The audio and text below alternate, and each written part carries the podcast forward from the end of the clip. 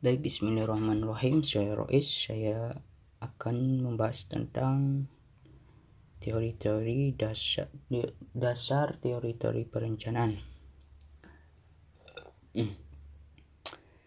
Dalam kehidupan sehari-hari, aktivitas manusia itu tidak lepas dari sebuah rencana. Bahkan keberhasilan dari aktivitas manusia itu sangat tergantung pada sebuah rencana yang baik. Maka dari itu, guna menyusun sebuah rencana yang baik, perlu adanya pemahaman terhadap hal-hal yang ada yang akan direncanakan. Dan tidak lupa juga terhadap pemahaman terhadap esensi dan karakteristik dari rencana itu sendiri. Perencanaan jika diletakkan dalam konteks wilayah, kota, dan lingkungan, merupakan hal yang sangat urgent karena perencanaan selalu berorientasi kepada kepentingan publik, di mana perencanaan yang akan dilaksanakan akan berdampak terhadap sebuah publik. Beda halnya dengan apa, aktivitas kita yang notabene-nya dampaknya terhadap kita sendiri ataupun sekelompok. Maka dari itu kita akan membahas tiga eh, dari perencanaan itu. Yang pertama esensi perencanaan, kedua fungsi, dan kedudukan perencanaan dan perencanaan sebagai publik domain.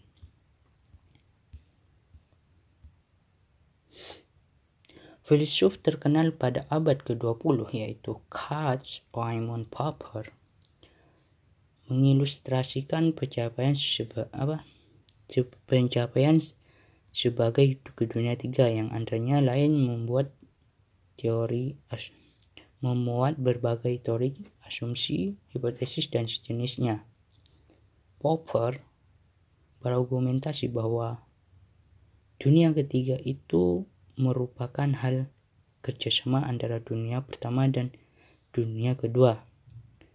Dan dunia pertama itu sendiri merupakan kumpulan berbagai kenyataan fisik di luar diri manusia. Sedangkan dunia kedua terkait dengan pengalaman fisik manusia. Melalui pandangan tersebut, tampaknya Popper sedang memadukan dua jenis pengetahuan yakni yang diyakini nya terdapat dalam kehidupan manusia yaitu pengetahuan akal sehat, common sense knowledge, dan pengetahuan ilmiah scientific knowledge.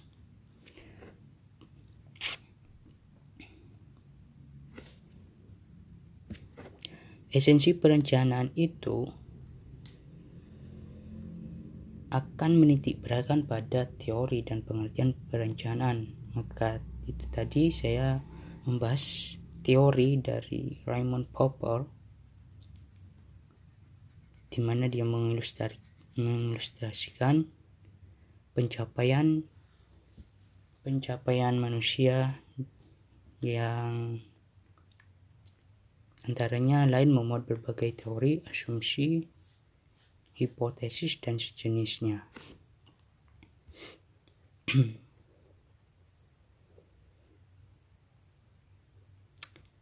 Hmm, Rail Rail 1951 menyatakan bahwa cara berpikir manusia dibentuk oleh tiga komponen utama yang saling berkaitan yaitu penalaran, perasaan, dan kehendak. Oleh sebab itu, proses berpikir sesungguhnya adalah proses yang sangat kompleks dan tak pernah henti. Dalam dunia akademik, proses berpikir inilah yang men, me, yang akan menentukan kegiatan riset.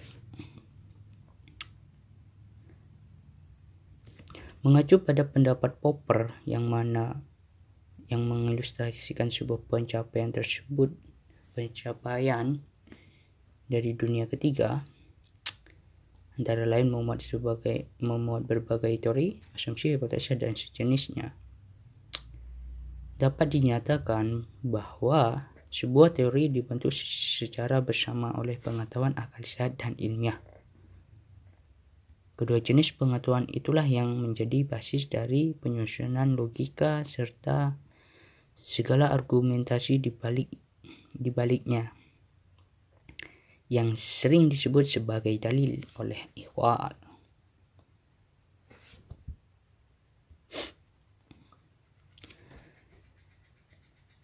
Berlandasan pada pendapat di atas, pendapat Popper, Ikhwal selanjutnya ber, berpendapat bahwa teori tidak lain adalah sebuah rangkaian dalil.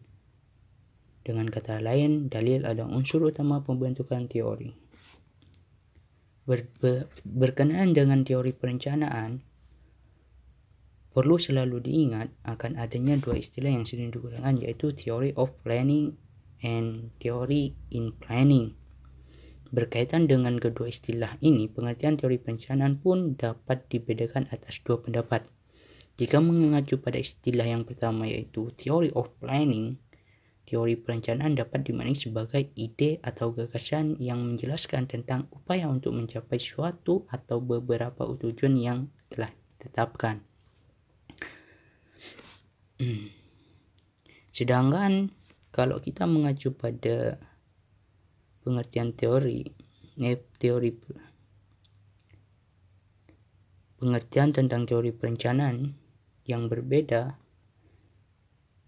apabila mengacu pada istilah yang kedua yaitu teori in planning perencanaan adalah sebuah kerangka pikir yang dijadikan sebagai landasan guna melakukan intervensi terhadap permasalahan tertentu dengan kata lain, teori in planning merujuk pada upaya untuk menemukan argumen-argumen substansial yang dipandang mampu atau layak dijadikan landasan perencanaan. Jadi teori apa? Teori perencanaan itu akan sel, akan selalu atau sering dikaitkan dengan yaitu dengan teori of planning dan teori in planning di mana teori in planning itu adalah sebuah teori of planning adalah teori perencanaan sub apa di mana sebagai sebuah ide atau gagasan yang menjelaskan tentang upaya untuk mencapai suatu uh, tujuan. Sedangkan teori in planning merujuk pada uh, menemukan argumen-argumentasi apa? Argumen-argumentasi yang substansial yang di, yang dipandang mampu untuk layak dijadikan landasan perencanaan. Ya, dengan kata lain, teori in planning adalah sebuah kerangka pikir yang dijadikan sebagai landasan guna melakukan intervensi terhadap permasalahan permasalahan tertentu.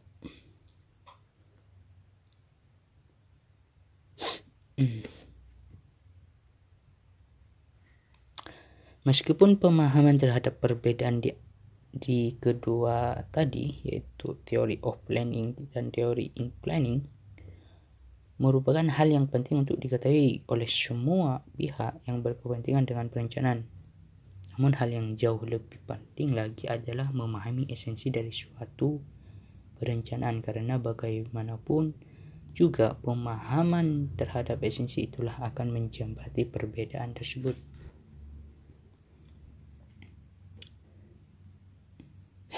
Pengertian perencanaan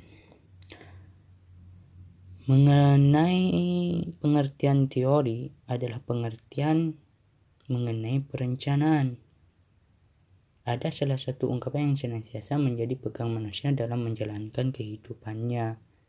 Hari ini harus lebih baik daripada hari kemarin, dan hari esok harus lebih baik daripada hari ini. Ini menunjukkan bahwa manusia memiliki hasrat dasar untuk naluri untuk memperoleh sesuatu yang lebih baik sepanjang umurnya. Dengan demikian, tidak semua upaya manusia akan menghasilkan kebaikan ada kalanya manusia mendapatkan keberhasilan, namun tidak jarang pula mendapatkan kegagalan.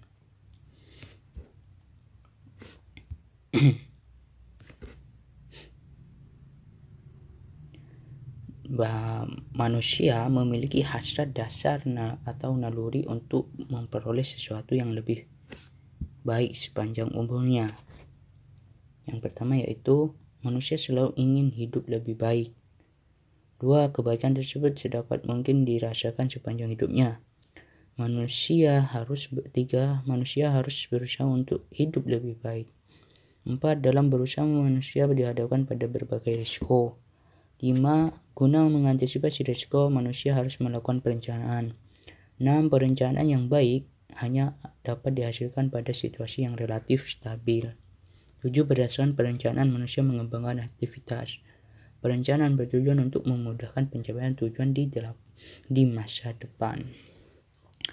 Jika kita merujuk pada kedelapan poin tadi, dapat kita pahami bahwa setiap aktivitas manusia senantiasa bertujuan untuk meningkatkan kualitas hidupnya. Apabila aktivitas tersebut dilakukan secara bersama oleh suatu kelompok masyarakat berdasarkan suatu perencanaan yang matang, guna mencapai tujuan bersama sering kali diistilahkan sebagai pembangunan kan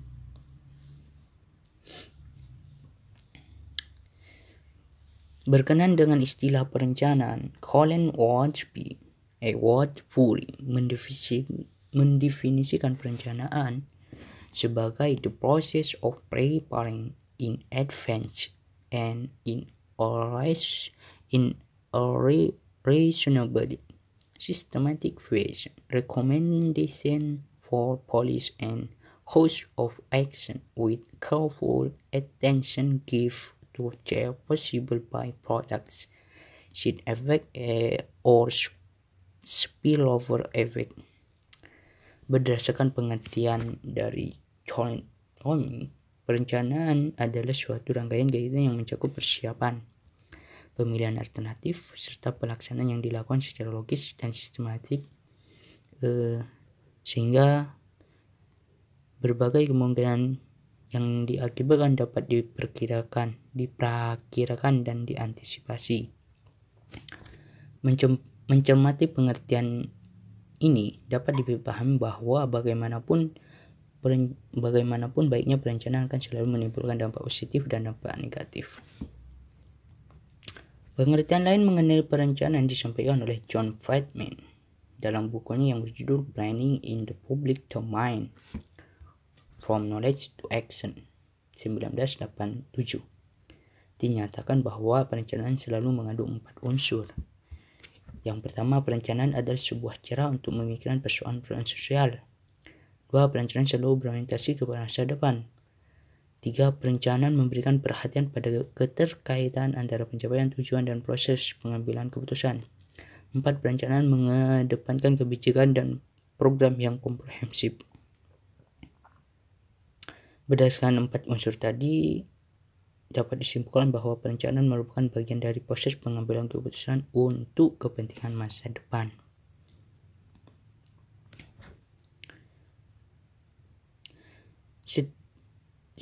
Setiadi menyampaikan bahwa kredibilitas perencanaan tidak dapat dijamin sepenuhnya oleh penerapan sains dan pengetahuan praktis. Menurut Setiadi, selain sains dapat pengetahuan praktis, dan pengetahuan praktis, perencanaan juga perlu didukung oleh intuisi. Jika sains dan pengetahuan sains dan pengetahuan praktis mewakili daya rasionalitas dan intelektualitas, maka intuisi mewakili hadirnya kearifan.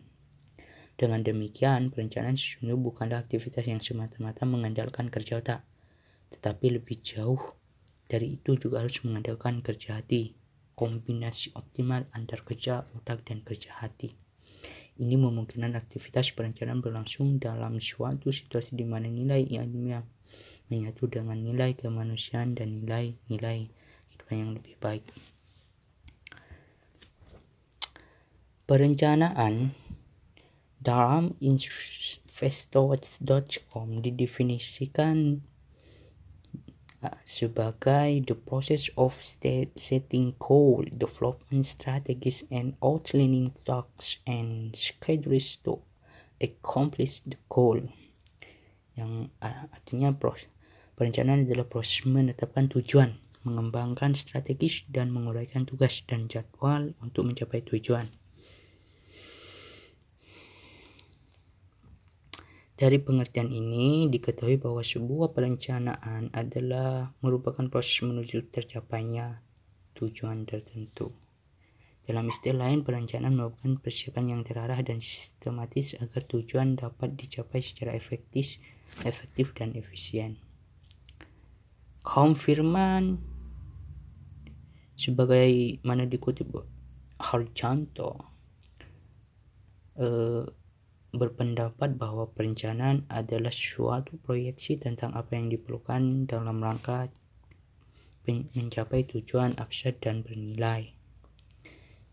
Cokro Amit Noto mendefinisikan perencanaan sebagai proses mempersiapkan kegiatan-kegiatan secara sistematis yang akan dilakukan untuk mencapai tujuan tertentu. Dan Pramujari atau Masujo mendefinisikan perencanaan adalah perhitungan dan penentuan tentang sesuatu yang akan dijalankan dalam rangka mencapai tujuan tertentu. Siapa yang melakukan, bila mana, di mana, dan bagaimana melakukannya. Berbagai pendapat ini, berbagai pen, apa, dari berbagai pendapat ahli ini menyiratkan bahwa perencanaan merupakan proses yang berisi kegiatan-kegiatan antara lain berupa pemikiran, perhitungan, pemilihan, penentuan, dan sebagainya. Jika mengacu pada pendapat-pendapat tentang perencanaan ini, dapat disimpulkan bahwa perencanaan adalah sebuah upaya yang dilakukan oleh manusia guna menetapkan pilihan dari sekian banyak alternatif yang tersedia. Tujuan penetapan pilihan adalah untuk mencapai masa depan yang lebih baik Hal-hal yang dipilih seyogyanya adalah hal yang paling memungkinkan tercapainya tujuan maksud yang sesuai dengan kapasitas sumber daya.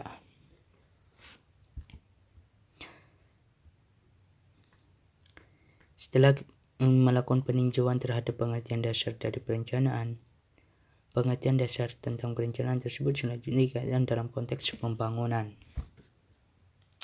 terutama pembangunan wilayah dan kota. Untuk itu perlu Anda pahami, perlu kita pahami e, terlebih dahulu keterkaitan antara perencanaan dan pembangunan sebagai langkah awal dapat dikemukakan bahwa secara umum pembangunan dapat diartikan sebagai proses untuk membuat sesuatu menjadi lebih baik to get something better berkenaan dengan itu sesuatu yang membuat sesuatu yang lebih baik Sandi 1992 menyampaikan beberapa dalil yang berkaitan dengan pembangunan sebagai berikut. Satu, setiap konsepsi pembangunan adalah pemikiran yang harus dapat diwujudkan, bukan sekedar latihan akademis.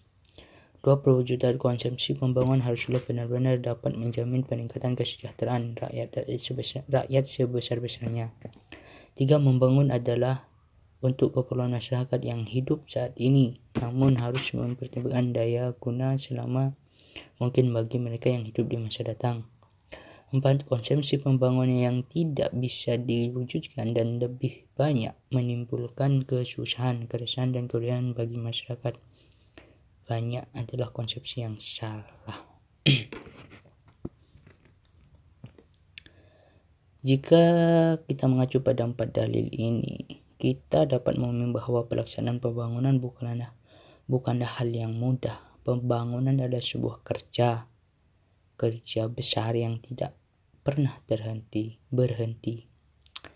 Pembangunan itu membutuhkan dana besar, melibatkan orang banyak, mencakup berbagai aspek, serta harus menjangkau berbagai lapisan masyarakat. Jadi oleh sebab itu perlu dicari cara yang tepat agar pembangunan dapat diterapkan sebaik-baiknya dan memberikan manfaat sebesar-besarnya. Sebesar-besarnya. Todora mengungkap, mengemukakan bahwa perencanaan pembangunan adalah usaha secara sadar yang dilakukan oleh suatu organisasi, misalnya pemerintah, guna mempengaruhi atau menga dan mengarahkan serta mengendalikan perubahan variabel-variabel pembangunan dari suatu negara atau wilayah. selama kurun waktu sesuai dengan serangkaian tujuan tujuan yang telah ditetapkan sebelumnya sesuai dengan pemahaman tersebut Todora menyatakan bahwa inti dari perencanaan pembangunan adalah pengarahan eh, pengaruh pengarahan dan pengendalian Warpuni eh Warpuni Warpani 1984 juga mengemukakan dalam kaitannya dengan pembangunan. Perencanaan adalah usaha untuk memaksimumkan segala sumber daya yang ada pada suatu wilayah atau negara untuk meningkatkan taraf hidup masyarakat.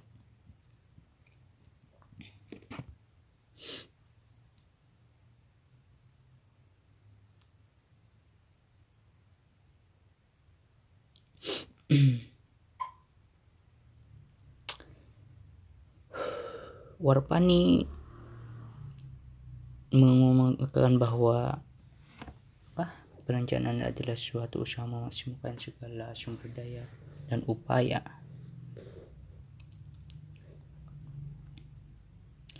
Eh, dan ada beberapa aspek yang perlu diperhatikan atau dipertimbangkan dalam hmm, perencanaan pembangunan. Di mana aspek pertama yang perlu dipertimbangkan dalam pembangunan adalah aspek skala perencanaan yang berkaitan dengan uh, lingkup wilayah perencanaan. Dan aspek kedua perlu dipertimbangkan dalam pembangunan adalah aspek proses perencanaan Aspek ini berkenaan dengan dinamika yang terjadi di tengah masyarakat. Dalam hal ini, walaupun ini menyatakan bahwa perubahan-perubahan sosial, budaya, ekonomi, dan politik dalam kehidupan masyarakat di suatu kota, wilayah, atau negara akan memberikan implikasi mendalam bagi proses perencanaan. Perubahan-perubahan tersebut berakibat pada timbulnya eh, pendekatan dan metode perencanaan yang berbeda-beda pada masyarakat yang masih didominasi oleh tradisi-tradisi lokal, pendekatan perencanaan yang paternalistik sangat mungkin untuk diterapkan. Ketika peranan tradisi lokal semakin berkurang, maka pendekatan perencanaan yang lebih rasional dan mengandalkan cara-cara ilmiah lebih dapat diterima. Dengan demikian, perencanaan pun akan berlangsung menurut proses yang berbeda. Jadi demikianlah saya mengungkapkan teori-teori dasar apa dasar teori-teori dasar perencanaan di mana banyak tokoh yang hmm, hmm, berpendapat seperti Fitman, College Waldbury, dan juga invest, investor.com juga mendiskusikan sebuah perencanaan. Dan tidak lupa uh, tokoh kita Joko Aminoto Tora Baik, terima kasih telah mendengarkan hmm, uh, apa pembahasan saya.